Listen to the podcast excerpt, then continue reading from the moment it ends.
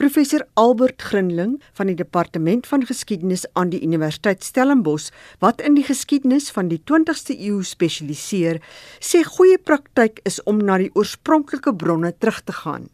Ek dink die primêre manier wat mense behoort te evalueer is jy terug te gaan na oorspronklike bronne en kyk wat hulle ons meedeel. Maar nou moet jy ook byvoeg dat die bronne gee nie altyd die volledige prentjie nie omdat dit uit 'n bepaalde hoek uitkom.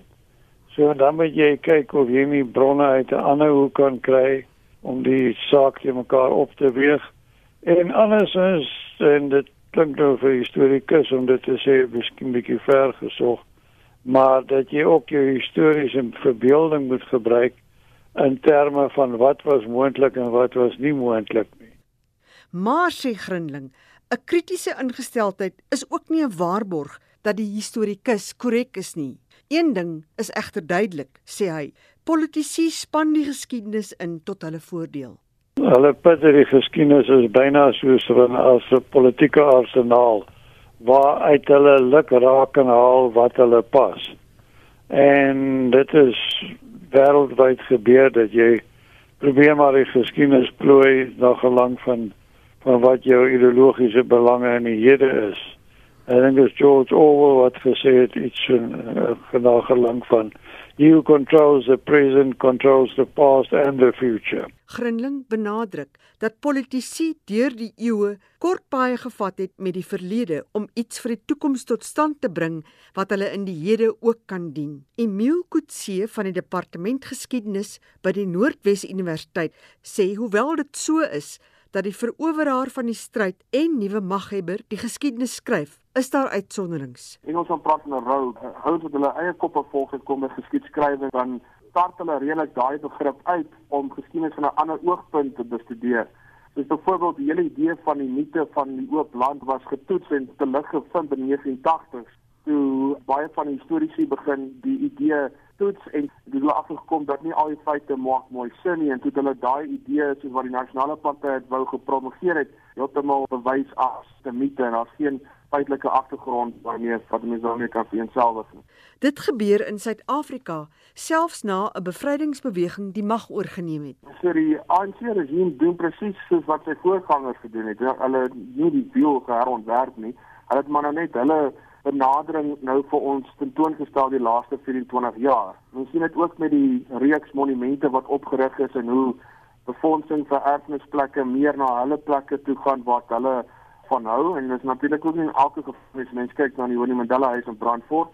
Maar dit is veral die saak as mense kyk na hoeveel geld kry Freedom Park in Pretoria, terwyl die ander eh, erfenisinstansies nou maar moet bedel vir enige krammeltjie wat uit die begroting na hulle kant toe kan kom. Daar is waarhede in die artikel oor die leë land mite, maar sê Grinling, daar is heelwat oor vereenvoudigings. Hy sê die konflik tussen die verskillende swart groepe word gerieflik uitgelaat. Die rol van mitselikasie kan byvoorbeeld meer uh, prominent belig word ook die manier wat die Tswana uh, moes gevlug het en geïnkorporeer is onder in Ndebele ook die uh, Mefekaan noem hulle wel maar uh, mens moet ook onthou dat daar was baie misverstande rondom die idee van wat behels grondbesit as jy wegtrek dan beteken dit nie dat jy sonder swart staan maar as jy grond noodwendig opgee nie maar dit is soos die uh, die voortrekkers en ander wat voor hulle daar ingetrek het, dit beleef het.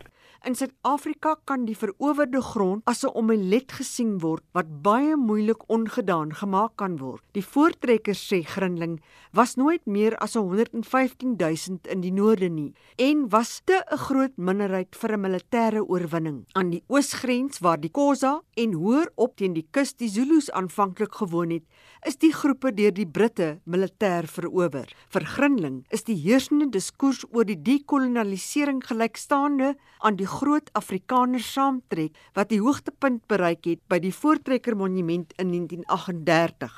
Die eerste is 'n mitiese teruggryp na die tyd oor kolonialisme wat gebaseer is op die grondslag dat daar vrede was as ook genoeg hulpbronne. Daar was miskien meer as na kolonialisme maar dit was nie dat almal vreedsaam oor die weg gekom het nie. So dis 'n teruggryp na mitologiese verlede En uh Afrikaners het ook dieselfde tipe teruggryp gehad, byvoorbeeld in 1938 eeufees wat die groot trekker dink het het hulle teruggegryp na 'n vervloë periode om hulle situasie in die Here ideologies te bevestig dat die grond aan hulle behoort. Die werklikheid was 'n baie ingewikkelder prentjie, aldus professor Albert Grinling.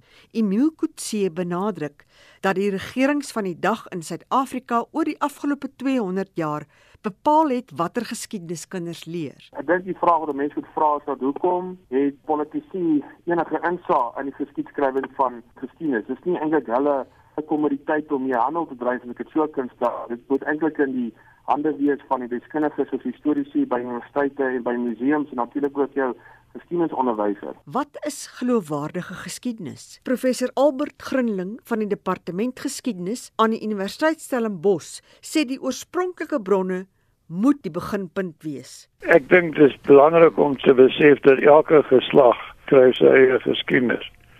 Maar ek sal die meeste tipe geskiedenis wat ek die meeste sal vertrou is die wat gebaseer is op oorspronklike navorsing op deeglike afgeronde argumente en dan ook wat nog steeds 'n tikkie twyfel laat in mense gemoed. Kutsie sê hy twyfel of enige iemand 100% neutraal kan wees. Elke ou kom nou maar met sy eie voorkeure en sy eie idees. Mense moet nou maar net altyd weet dat 'n historikus is ook maar mens en hy het maar ook sy eie lewenservarings en hy, hy benader ook die historiese feite uit sy eie konteks uit. So mense moet nou maar liewer kyk na die feite wat 'n persoon weergee en hoe hy dit verduidelik in plaas van net aan die subjektiwiteit vas te kyk.